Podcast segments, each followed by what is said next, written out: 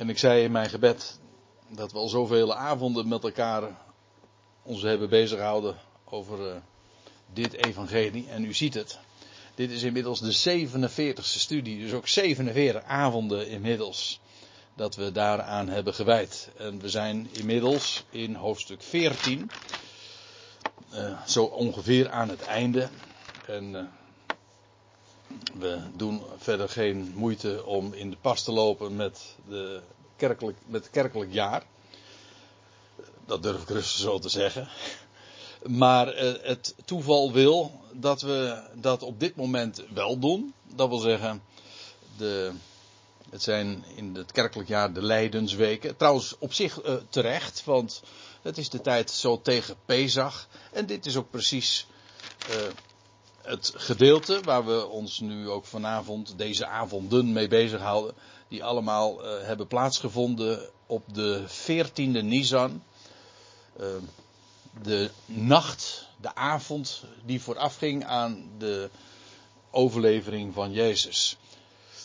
En dat gedeelte waar we het over hebben, dat begint in hoofdstuk 13 met de, de bekende voetwassingen. Allemaal gebeurtenissen die plaatsvinden in de opperzaal.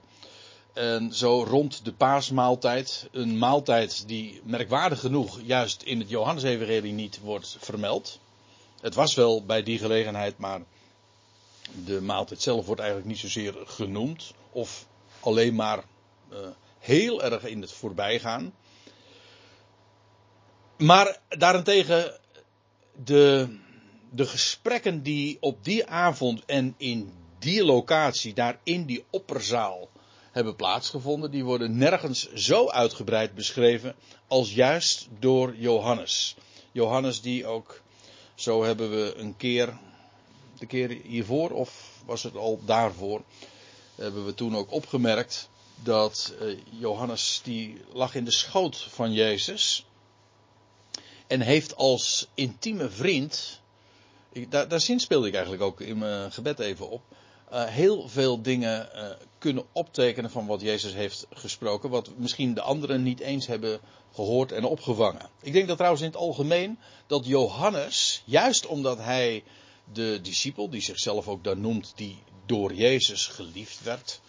Als een van de intieme vrienden. Ik bedoel, eh, als Jezus een enkeling van hem, van zijn, van zijn discipelen meenam. Dan was dat altijd Petrus, jazeker. Maar uh, ook altijd Johannes. Ehm, Johannes heeft dus veel meer geweten nog van, van wat Jezus heeft gesproken als, uh, als de anderen. En ook veel meer nog van hem begrepen, dat denk ik ook. En vandaar ook dat als hij naderhand alles uh, nog weer eens terughaalt en, uh, en dan vervolgens ook optekent, dat hij zoveel uitspraken kon noteren die de anderen misschien helemaal niet eens meer wisten of zelfs niet eens gehoord hadden.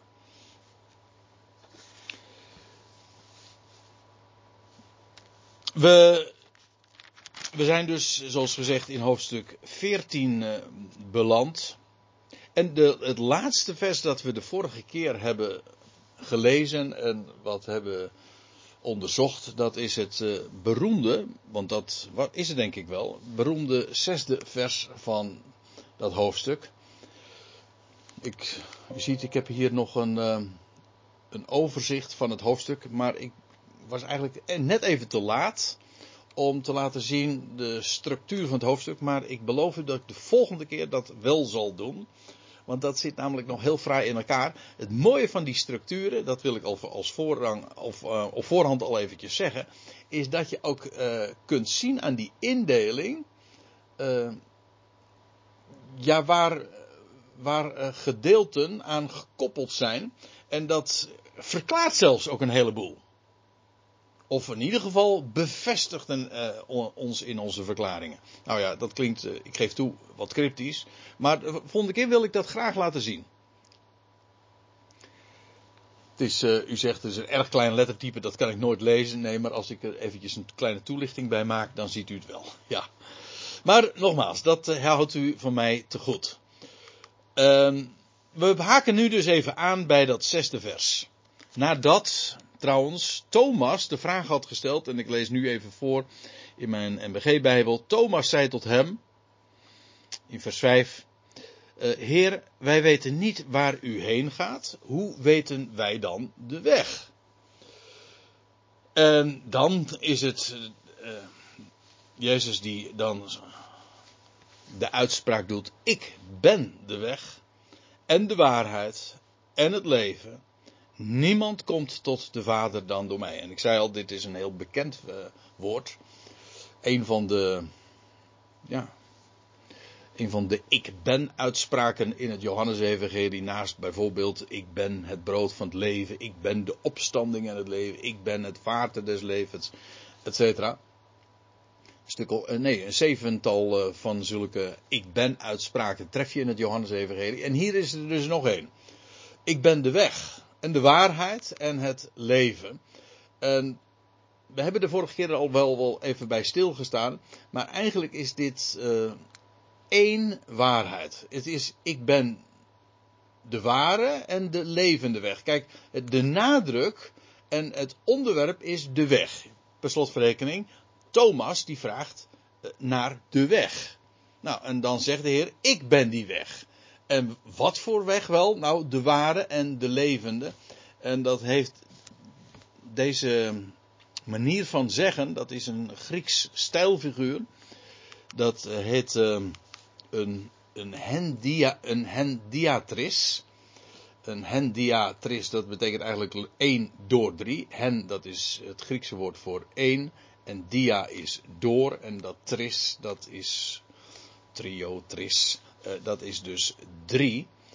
Uh, waarbij de gedachte is, je hebt trouwens ook een hendiadist, die is eigenlijk nu wat bekender. Een hendiadist betekent 1 door 2. Dan zeg je één ding, maar je, zegt, je, je doet dat in twee uitspraken. In dit geval is het, eh, worden er drie dingen gezegd, drie zelfstandige naamwoorden. De weg, de ware, het leven. Maar in dit geval uh, waarheid en leven, die fungeren, nou dat klinkt wat, uh, wat uh, grammaticaal, het is ook grammaticaal, maar dat is bijvoeglijk. Dat wil zeggen, het zijn eigenschappen van de weg. Namelijk dat het waar, het is een ware weg, het is de ware weg, het is ook de levende weg. Let ook op het bepaalde lidwoord. Het leven, de waarheid. En het de nadruk ligt, het onderwerp is de weg.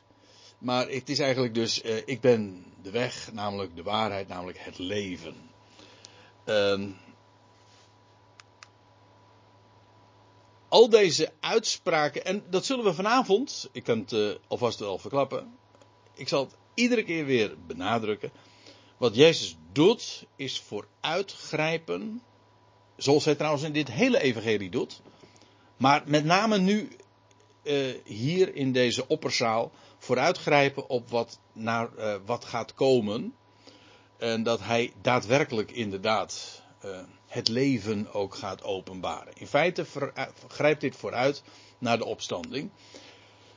Nog even dit. Ik ben de ware levende weg. Niemand komt tot de Vader dan door mij. De Vader, de ene God. En ja, dit is dus het antwoord op de vraag in vers 5. De vraag Jezus is de weg, de waarheid, namelijk het leven. En de Vader, ja, dat is de bestemming. Hm? Want een weg leidt altijd uh, ergens vandaan en ergens naartoe. Wel, de Vader, Hij is de weg tot de Vader. Via Hem, via, dat is trouwens leuk, via betekent eigenlijk ook weg, hè. Via Hem kom je Denk bijvoorbeeld aan Via Dolorosa, de Leidensweg. En uh, er zijn heel wat. Uh, maar de, uh, ik moet erbij zeggen, dan is het trouwens weer Latijn hoor. Want via is dan het Latijnse woord voor weg. Maar goed, Grieks en Latijn, dat is ook wel weer erg aan elkaar gelieerd. Hoe dan ook, ik, ben, ik ben de weg tot de Vader. Wil je tot de Vader komen? Dan is, dan is dat alleen maar mogelijk via mij. En eigenlijk, je moet het ook gewoon zo zien. Uh, uiteindelijk, uh, hij is degene die allen tot de Vader zal brengen. Namelijk door hen het leven te geven. Het ware, het ware leven geeft Hij.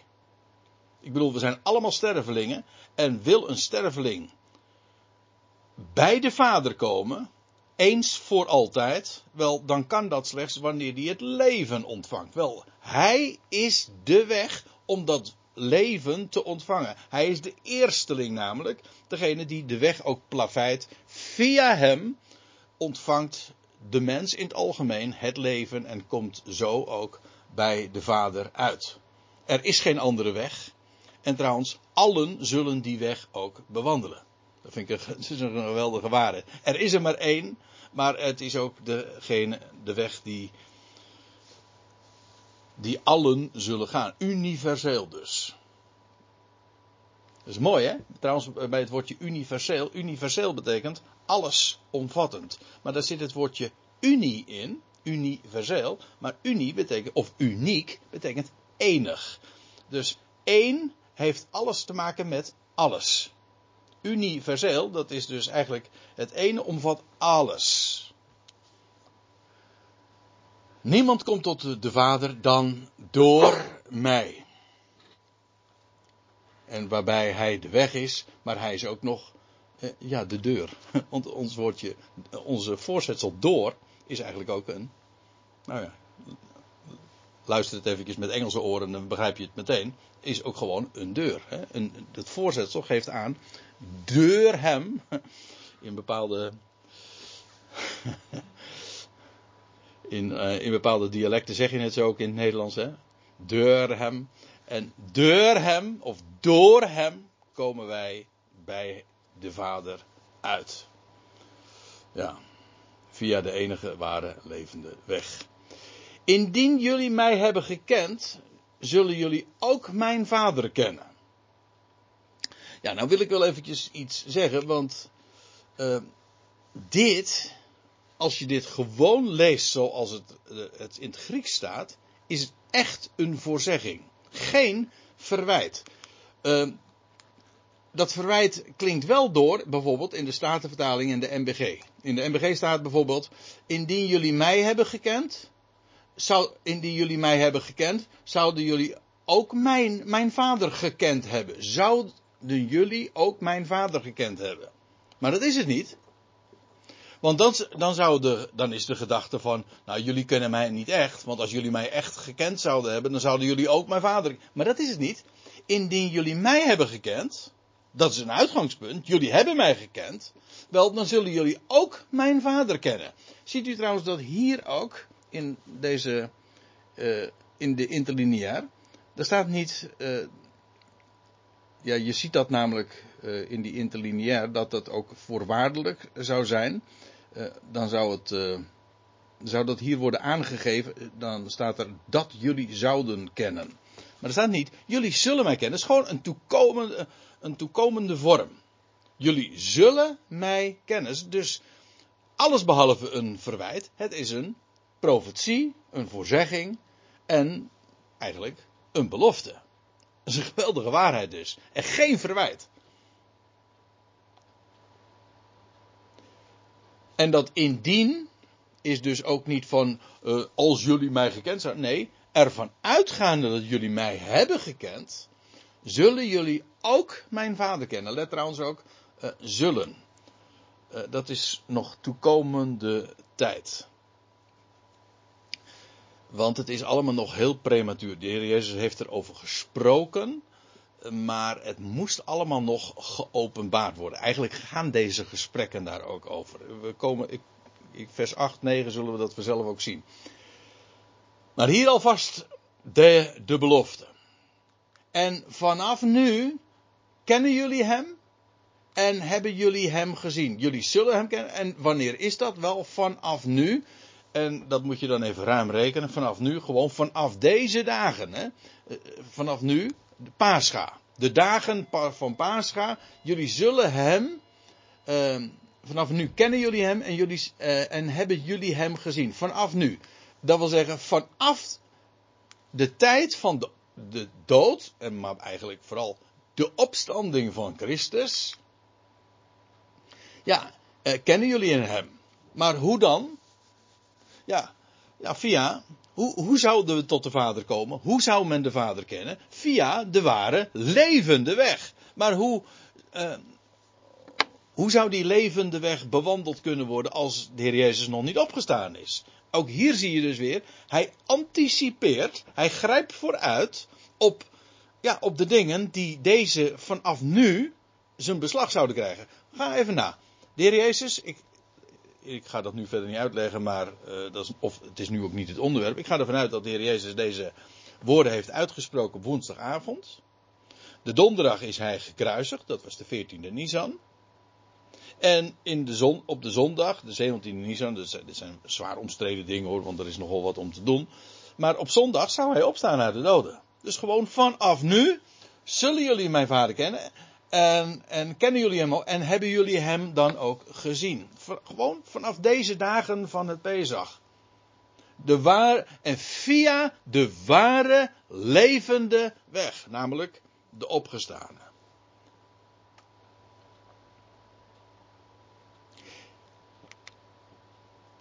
En dan zegt Filippus tot hem. Die Filippus zijn we trouwens in dit evangelie al een aantal keren tegengekomen. Om precies te zijn, dit is de vierde keer. Ja, zijn naam wordt nog wat vaker genoemd, maar in drie voorafgaande gedeelten. In hoofdstuk 1 al.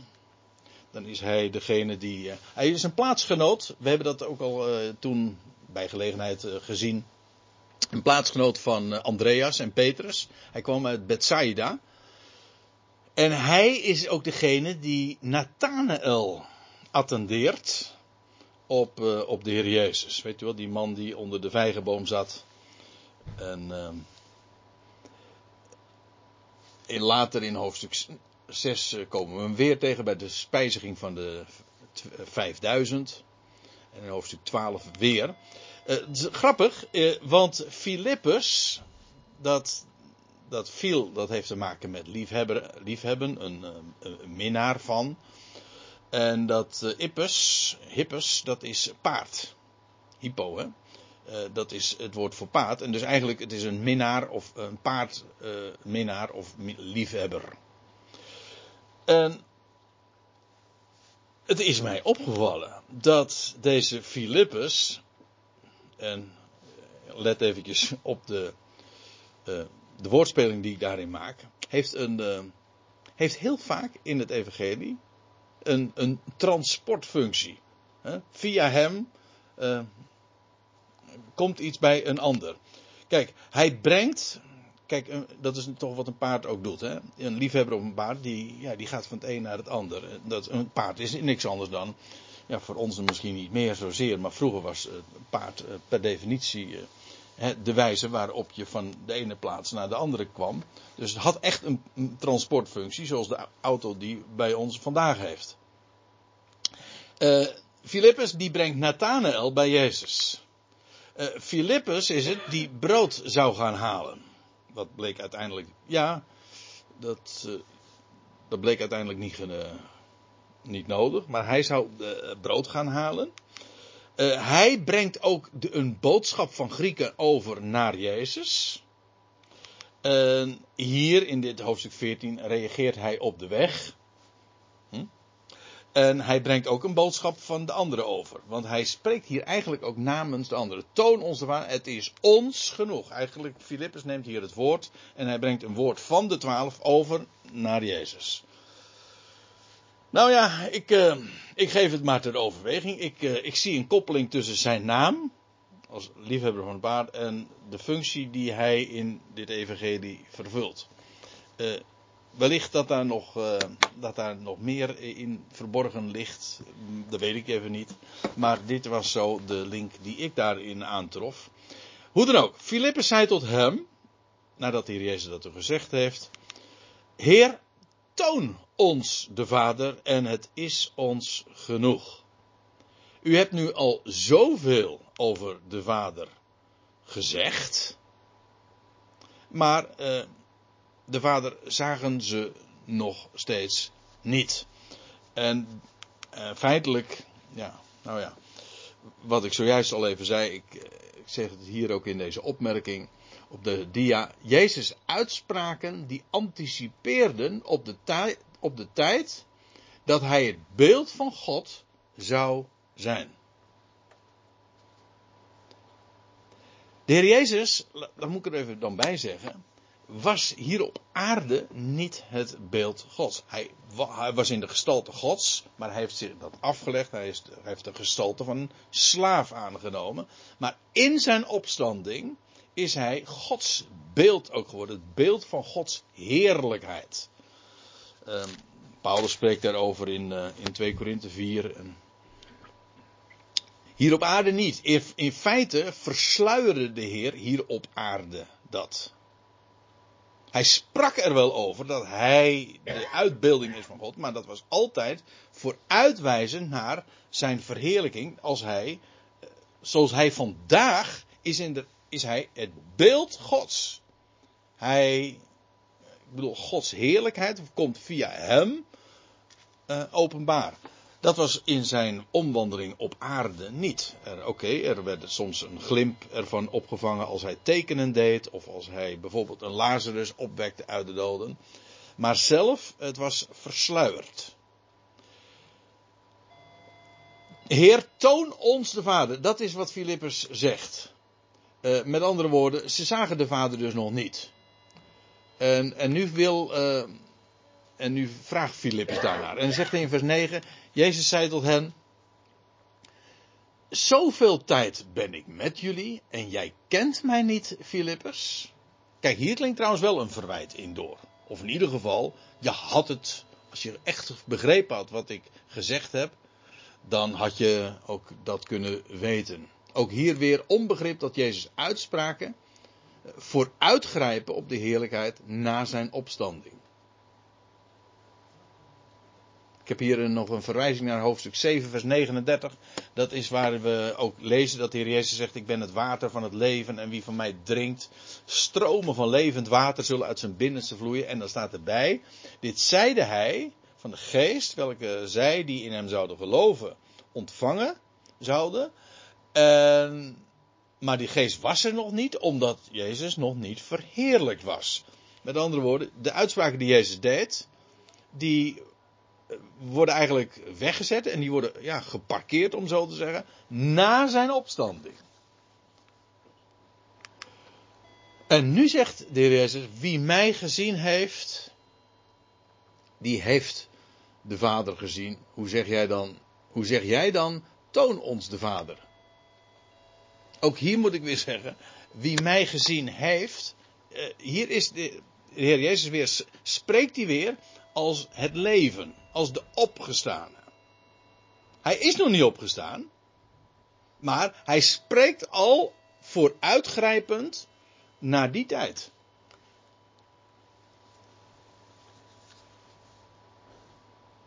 Wie mij gezien heeft, heeft de Vader gezien. En hoe zeg jij dan? Uh, toon ons de Vader. In. Uh, ja, dan moet ik eventjes toch wil ik even verwijzen naar Hebreeën 1. Ik heb daar geen diaatje van. Maar dan lees je ook over de zoon. Dus zo valt eigenlijk de schrijver van de Hebreeënbrief min of meer met de deur in huis.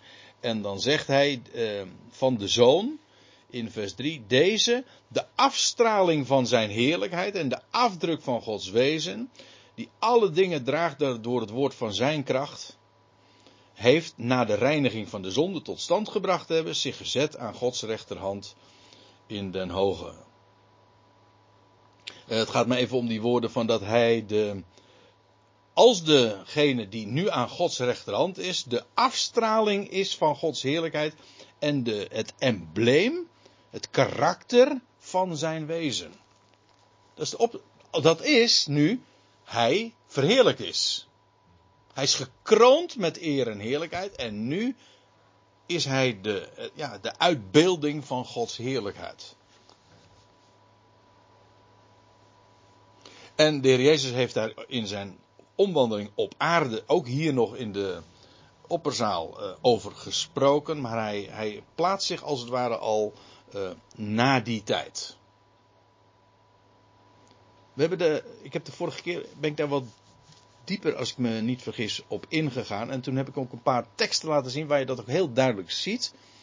Uh, in deze hoofdstukken ook, met name ook in het hoge priestelijk gebed, dat de Heer Jezus al zegt van. Uh, ik heb u verheerlijkt op de aarde door het werk te voleindigen dat u mij te doen hebt gegeven. Dan zou je zeggen van, ja maar wacht even, dit zegt hij allemaal nog terwijl hij nog naar Gethsemane ging enzovoort. Jawel, maar hij plaatst zich al achter uh, dat werk. Nadat, alsof dat al gebeurd is. En daarmee heb je feitelijk, als ik het zo zeg, dat is een hele bijzondere invalshoek van, van Johannes. Dat, dat uh, hij, dat hele Johannes-evangelie, dat grijpt vooruit op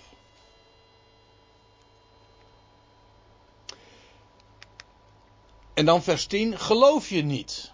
Zegt hij nog steeds specifiek tegen Filippus. Geloof je niet dat ik in de Vader ben en de Vader in mij is? Ja, ook dat is. Ja, het wordt nu wat eentonig, maar ik, ook dat kan ik alleen maar begrijpen. Als dit uh, verwijst naar de opstanding en de hemelvaart. Wat trouwens ook op zich uh, qua type wel weer logisch is, want hij is in de opperzaal en dat is een beeld juist van uh, de hogere verdieping. Hè? Namelijk, hij is daarboven. Trouwens, en nu, nu neem ik even mee naar, naar vers 20.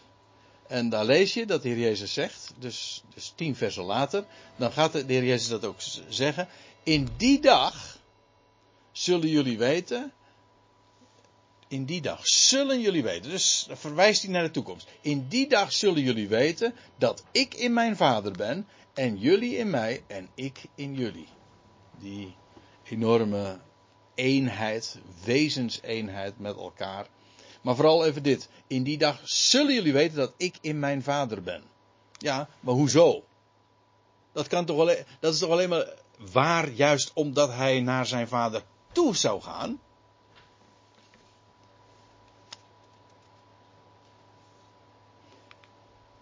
En het, is eigenlijk dubbelop, hè? Dat ik in de Vader ben, dat wil zeggen, ik in de heerlijkheid van mijn Vader ben. En de Vader in mij, dat wil zeggen, de heerlijkheid van de Vader in mij is.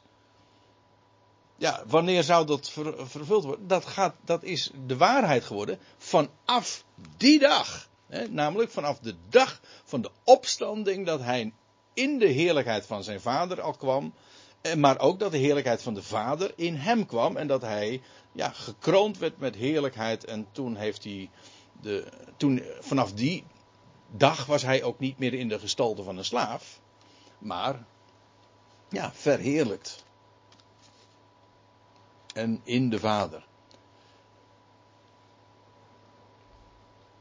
Ik zeg dit nu al, uh, al vast en ik heb al een paar uh, uh, zo aanknopingspunten gegeven. Maar als we nu even nog verder lezen, zullen we vanzelf daarin alleen maar bevestigd worden. Dus hoor mij nog even aan voordat je nu denkt van uh, is dit niet een beetje te ver gezocht om, om dit nu te betrekken op de opstanding. Lees nog even met me mee. De uitspraken die ik tot jullie spreek, zegt de Heer Jezus, zijn niet uit mijzelf, maar de Vader die in mij blijft, die doet zijn werken. Uh, ja, ook hier. Uh, het feit dat de Heer Jezus dat zo zegt, die uitspraken die ik, die ik uitspreek, ja, dat, dat heb ik ook niet van mezelf. Dat is uh, van Gods wegen dat ik dat uh, kan zeggen en dat ik ook zo over de toekomende dingen kan spreken. En geloof me dat ik in de Vader en de Vader in mij is. Ja, hoezo? Nou, we zullen straks in het volgende vers zien. Omdat ik naar de Vader ga. Daarom. En indien niet, geloof om de werken zelf. Welke werken? Nou, we, lezen verder, vers 12. Want in het volgende vers vind je precies de verklaring van deze woorden. Amen, amen. Voorwaar, voorwaar. Ik zeg jullie. Wie in mij gelooft. En ja, hij spreekt hier nu gewoon ook direct tot degene die daar in de opperzaal zijn. Wie in mij gelooft. De werken die ik doe. Die zal ook hij doen. En welke, kijk, welke werken deed de Heer Jezus nu? Dan kun je wijzen op zijn, op zijn prediking. Je kunt wijzen op zijn. Uh, de dingen, de wondertekenen die hij deed. Maar in feite. Uh, hebben beide met elkaar te maken. De werken die hij deed, dat was ook uh, de prediking van het woord, maar ook begeleid door wondertekenen.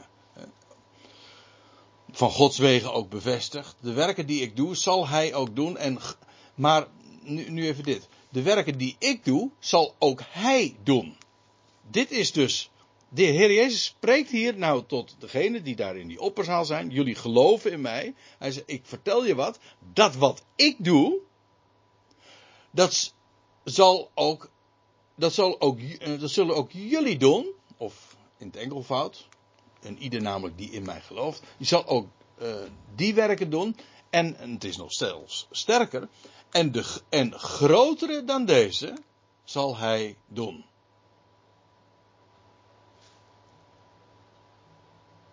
Waar zou dat nou op, op, uh, op slaan?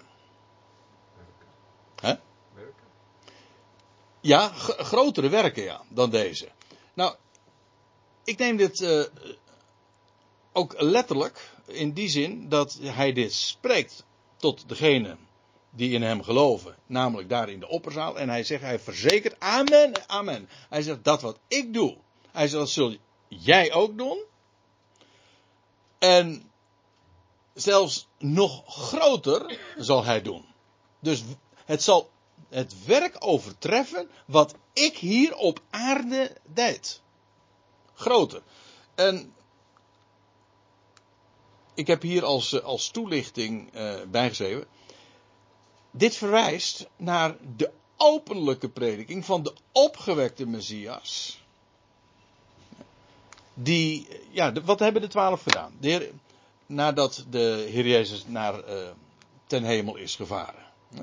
Per slotverrekening, daarover heeft hij het. Hè? Hij zegt, grotere dan deze zal hij doen, wanneer en, en, en hoezo? Omdat ik naar de Vader ga. Met andere woorden, die grotere werken die zij zouden doen, die zouden zij doen na zijn, eh, na zijn opstanding en na, nadat hij naar de Vader zou zijn gegaan. Nou, en dat is inderdaad ook gebeurd. Wat hebben ze gedaan? Ze hebben grotere werken gedaan. En ik, ik neem dat grotere dan in tweeërlei zin. En dat is dat wat zij hebben verteld, was inmiddels uh, ja, uh, grootser. Inmiddels namelijk niet meer voor uh, het sterven van de Heer Jezus, maar inmiddels was de Heer Jezus opgestaan, verheerlijk. Hij had nieuw leven aan het licht gebracht. En nu konden ze openlijk spreken over dingen die tot die tijd feitelijk allemaal nog verborgen waren. Sterker nog, uh, de Heer Jezus had meer dan eens tegen zijn discipelen gezegd, als bijvoorbeeld het al te duidelijk werd dat hij de Christus was, dan zegt hij, mondje houden, ik wil niet hebben dat jullie dat vertellen. Dat was allemaal dus heel bedekt. En vanaf het moment dat hij is opgestaan uit de doden en ook ten hemel gevaren, en in, in het Johannes-evangelie is dat allemaal op één dag, hebben zij gepredikt. En ze hebben ook inderdaad dezelfde werken gedaan. Ze hebben, zij hebben ook zieken genezen. Ze hebben ook um, uh, zelfs doden opgewekt. Dus ook in die zin, ze hebben gepredikt. En trouwens, hun bereik was ook veel groter. Ik bedoel, de, inmiddels was uh, het, uh, de prediking, ja, moet je het zeggen. Nu was het, kon openlijk gesproken worden over de opgewekte Messias. Wat voorheen nog steeds verborgen moest gebeuren en sterker nog, ja, het werd eigenlijk uh, heel bewust bedekt. Maar ook het bereik, de actieradius was veel groter. Ze hebben het uh, gepredikt en wat gebeurt er? Op, vanaf ja, de, de Pinksterdag vanaf het moment dat ze inderdaad zijn gaan, gaan prediken. De eerste dag uh, gebeurt er dat er 3000 man, uh, 3000 mensen tot geloof komen. Dat was op de Pinksterdag. Moet je trouwens realiseren dat de Heer Jezus nog steeds ook uh, tot zijn sterven dat was dat nog steeds ook de bedeling van de wet. onder het oude verbond. En nu, sinds zijn opstanding, is daar het nieuwe verbond openlijk ook eh, begonnen. Het oude verbond begon trouwens, dat contrast zie ik dan hier ook nog. Het oude verbond begon ooit bij de wetgeving. En, en wat gebeurde er toen? Toen stierven er 3000. Weet je nog, toen de, toen de wet gegeven werd, de stenen tafelen, dat was het begin van de oude verbond. Toen, uh, werden er 3000 man op één dag gedood, lees je in, in Exodus. Nu wordt, dat was trouwens ook met Pinkster, hè? de wetgeving was op de Pinksterdag. Ja. Maar dat was het oude verbond. En als het nieuwe verbond begint, ja, dat is inderdaad veel groter. Ja, dan komen er 3000 tot leven. Ja, met recht ook leven. Ze ontvangen de geest ook. Dus dat was inderdaad zoveel groter nog dan wat de Heer Jezus hier op aarde deed. Het was onder het oude verbond. En uh, waar hij nu over spreekt, over wat zij zouden doen, wel, dat was inderdaad groter, rijker. Uh, en er staat er ook bij, omdat ik naar de Vader ga. Waarmee dus ook gezegd is dat de dingen die hier in vers 12 beschreven worden, hebben allemaal van doen en wijzen allemaal weer vooruit naar de tijd dat hij opgestaan zou zijn en inmiddels tot zijn vader was uh, heen gegaan. Omdat ik naar de vader ga. Dus vanaf de hemelvaart. En daarom ook, en nou grijp ik weer even terug naar vers 11. Als de Heer Jezus zegt, geloof dan dat ik in de Vader ben. Ja, hoezo? Dan moet hij toch eerst naar de Vader toe gaan? Ik lees even, even, even terug. Even terug bladeren. Geloof me, dat ik in de Vader en de Vader in mij is. Hoe kan dat? Hij moest nog naar de Vader gaan. Ja, maar daar heeft hij het ook over. Hij spreekt over de tijd dat hij inmiddels naar de Vader gegaan zou zijn. En dan, ja, dan wordt dit alles ook uh, waar wat in vers 12 beschreven wordt. Uh, die grotere dingen die ook zij zouden doen. Dus ik denk trouwens dat deze dingen die hier uh, vermeld worden, ook specifiek te maken hebben met degenen, heel concreet met degenen die daar in die opperzaal waren. Uh, dat zullen we trouwens in ditzelfde hoofdstuk, vanavond niet meer, maar tenminste, uh, nee. Maar dat uh, de Heer Jezus ook heel uitdrukkelijk profetieën doet aangaande de apostelen, degene die hij rechtstreeks dus had afgevaardigd.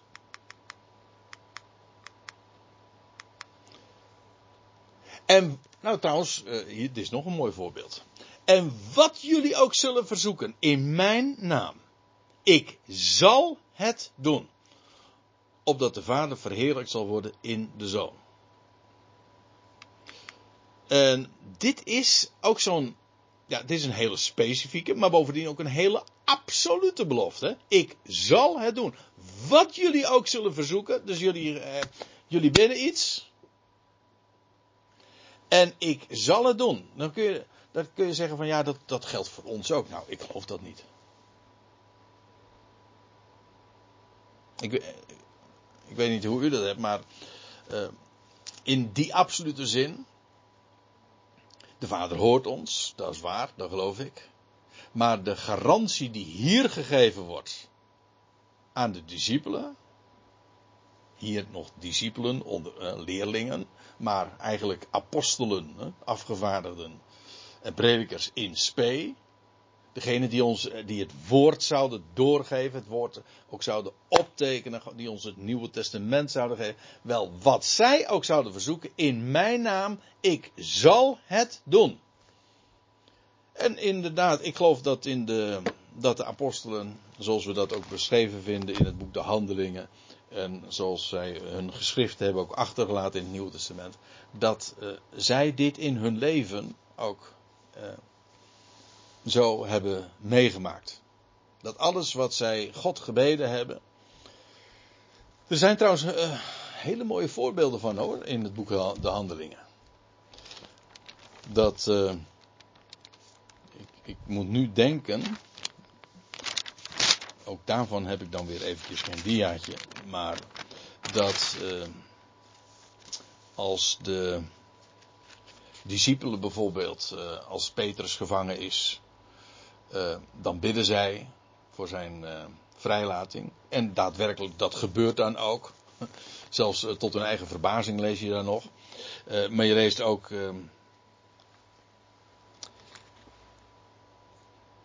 ja, dan lees je. Ik, lees even met me mee. In Handelingen 4, vers 23. Toen zij vrijgelaten waren, dit gaat over Petrus en Johannes geloof ik. Eh, ja, die waren vrijgelaten weer en gingen naar de hunne en deelden hun mee al wat de overpriesters en oudsten tot hen gezegd hadden. En toen deze het hoorden, verhieven zij eenparig hun stem tot God. Nou, dat is dus zoiets, hè. Uh, wat hier ook staat. Eenparig verhieven zij hun stem tot God en zeiden: Heere, u bent het die geschapen hebt de hemel, de aarde, de zee en alles wat erin is. Nou, en dan halen ze een woord uit, eh, aan van David, uit Psalm 2. En dan, dan bidden zij, ik lees nu vanaf vers 29. En nu, Heer, let op hun dreigingen. Geef uw dienstknechten met alle vrijmoedigheid uw woord te spreken. Doordat gij uw hand uitstrekt tot genezing. En dat tekenen en wonderen geschieden door de naam van uw heilige knecht Jezus. En terwijl zij baden, werd de plaats waar zij vergaderd werden, waren bewogen en ze werden alle vervuld met de Heilige Geest en spraken het woord Gods met vrijmoedigheid. Nou, dit is één situatie, dit is betrekkelijk kort nog na de Pinksterdag. Maar dit is nou typisch zo'n vervulling van wat de Heer Jezus hier al in de opperzaal. Trouwens, uh, dat is uh, wat ik nu voorlees. Dat is korte tijd na dit, na deze belofte, ook vervuld. Maar de Heer Jezus doet hier dus een hele absolute uitspraak, maar wel specifiek, namelijk tot degene die hij hier ook in de opperzaal aanspreekt.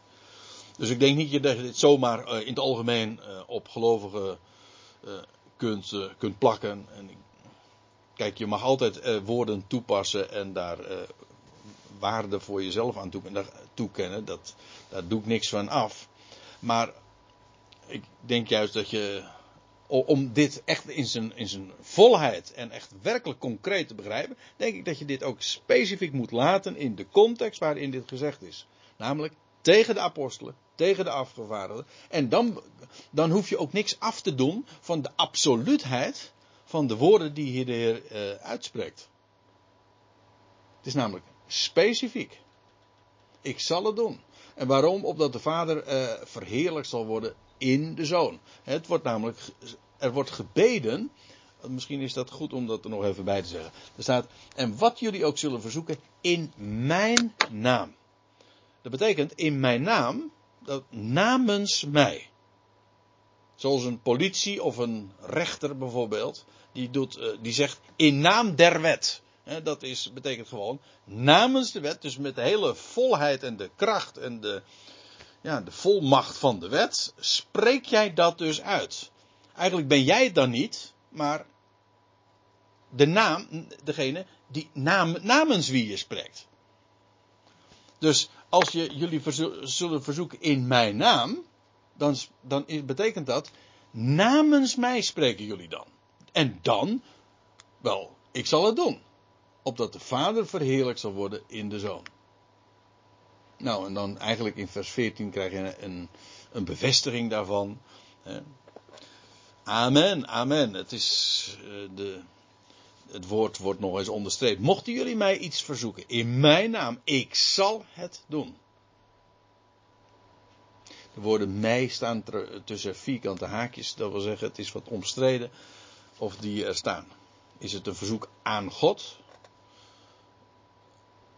Of is een verzoek aan, uh, aan mij? Of uh, mochten jullie iets verzoeken, namelijk in mijn naam, aan God, ik zal het doen.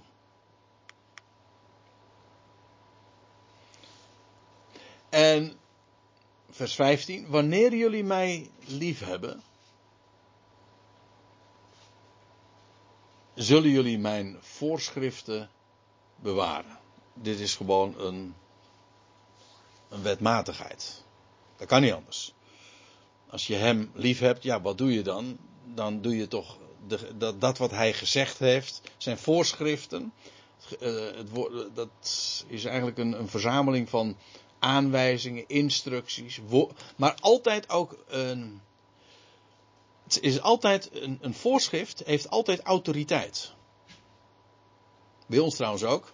Een voorschrift, dat heeft. Uh, zelfs als je het opvat als uh, iets wat een dokter zegt. Een dokter schrijft ook iets voor. Dat is ook een voorschrift. Ja, maar dat is. Waarom heet het zo? Omdat het ook met autoriteit is. Iemand met kennis van zaken die schrijft iets voor. Die, hij weet hoe het zit. Hij kan met autoriteit spreken. Wel, wanneer jullie mij lief hebben, dan zullen jullie dus datgene wat ik met gezag heb gesproken, wat waar is, wel, dat zullen jullie dan ook bewaren.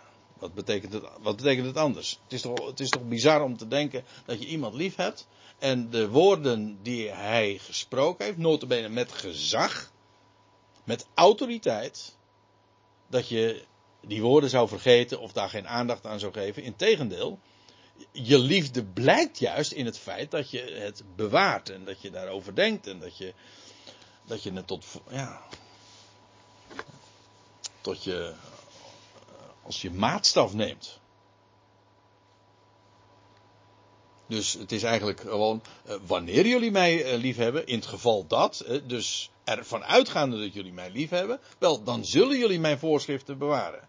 Dus dat betekent nog niet eens van, dan moet dat. Van, ja, jullie kunnen me wel lief hebben, maar jullie moeten ook. Nee, het een betekent het ander. En dan. En ik zal de Vader vragen. En hij zal jullie een andere. Ja, nou, dit is een. Uh, een weergave die uh, in de meeste vertalingen niet zal aantreffen, maar ik wil hem wel even toelichten. Een andere begeleider geven. Het is even wennen misschien. Maar het Griekse woord, dat is parakletos. Parakleet. Letterlijk betekent dat, para, dat is een voorzetsel, betekent naast. En dat kletos, Ecclesia, roepen. Parakale, trouwens, je hebt ook het werkwoord parakaleo. Dat is dan na, naast roepen. Hè? Dat, en dat wordt dan vertaald met bemoedigen, troosten. Nou, hier een parakletos uh, wordt in de NBG en in de Statenvertaling altijd weergegeven met trooster. En één keer met voorspraak. Een andere trooster. Maar het is mij opgevallen dat ook in de, in de handboeken wordt er wel bij gezegd van ja, die weergave trooster is wel een beetje gekunsteld. Dus zelfs degene die, uh, zelfs de vertalers die geven aan dat dat uh, niet helemaal uh, de gedachte is. Want bij, bij troost is het idee natuurlijk altijd, er is sprake van verdriet. En dan, ja, dan moet daar in woorden, in, in een situatie van verdriet, moet daar troostvol gesproken worden. Maar dat is niet de gedachte. Het gedachte is niet van jullie zijn verdrietig en dus krijgen jullie een parakleet. Een parakleet is iemand die, ja, een naastruper. Je zou ervoor zelfs kunnen pleiten om gewoon het woordje naastruper er in, eh, het Nederlands te introduceren.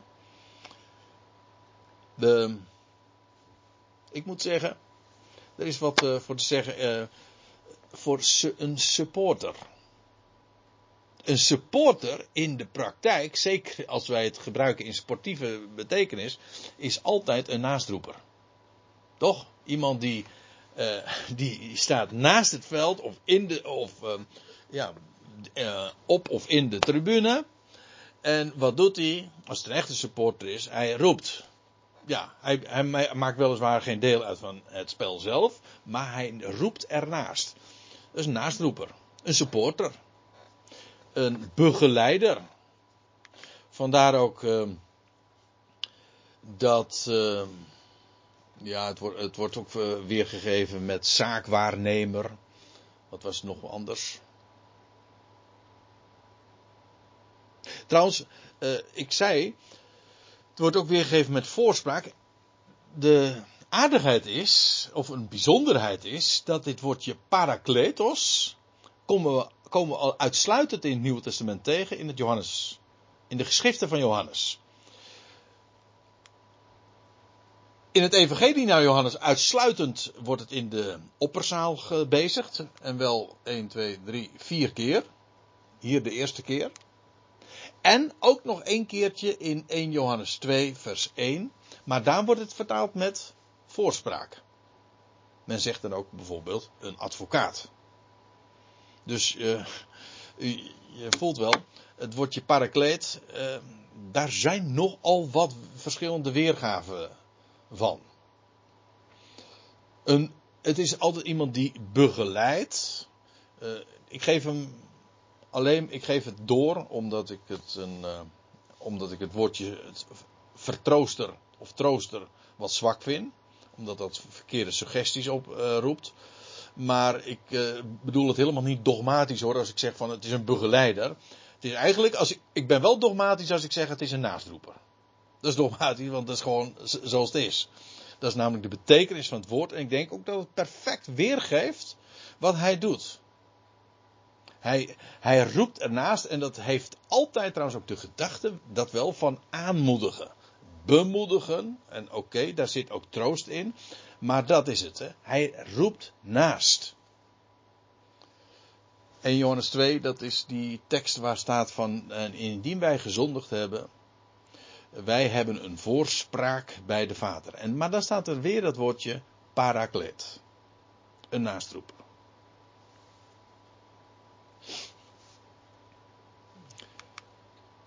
Uh, nog even iets anders. En dat is dat de Heer uh, hier zegt: Ik zal de Vader vragen. Hij zal jullie een andere begeleider, een andere parakleet geven.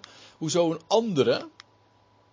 Nou, met, de suggestie is ik was jullie aan, ik was jullie parakleet. Maar hij zal jullie een andere parakleet geven. Dat geeft toch aan dat er eerst al een parakleet was. Ik, hij zal jullie een andere parakleet geven, parakletos geven, namelijk anders dan Jezus op aarde. Jezus hier op aarde was dus ook hun parakleet. Maar nu, de Heer zou vertrekken, hij zou naar de Vader gaan, hij zegt, ik ga de Vader vragen en hij geeft jullie een andere parakleet. En wat dat is, nou ja, dat zullen we zien. Anders, uh, het is de geest, namelijk de geest van de waarheid.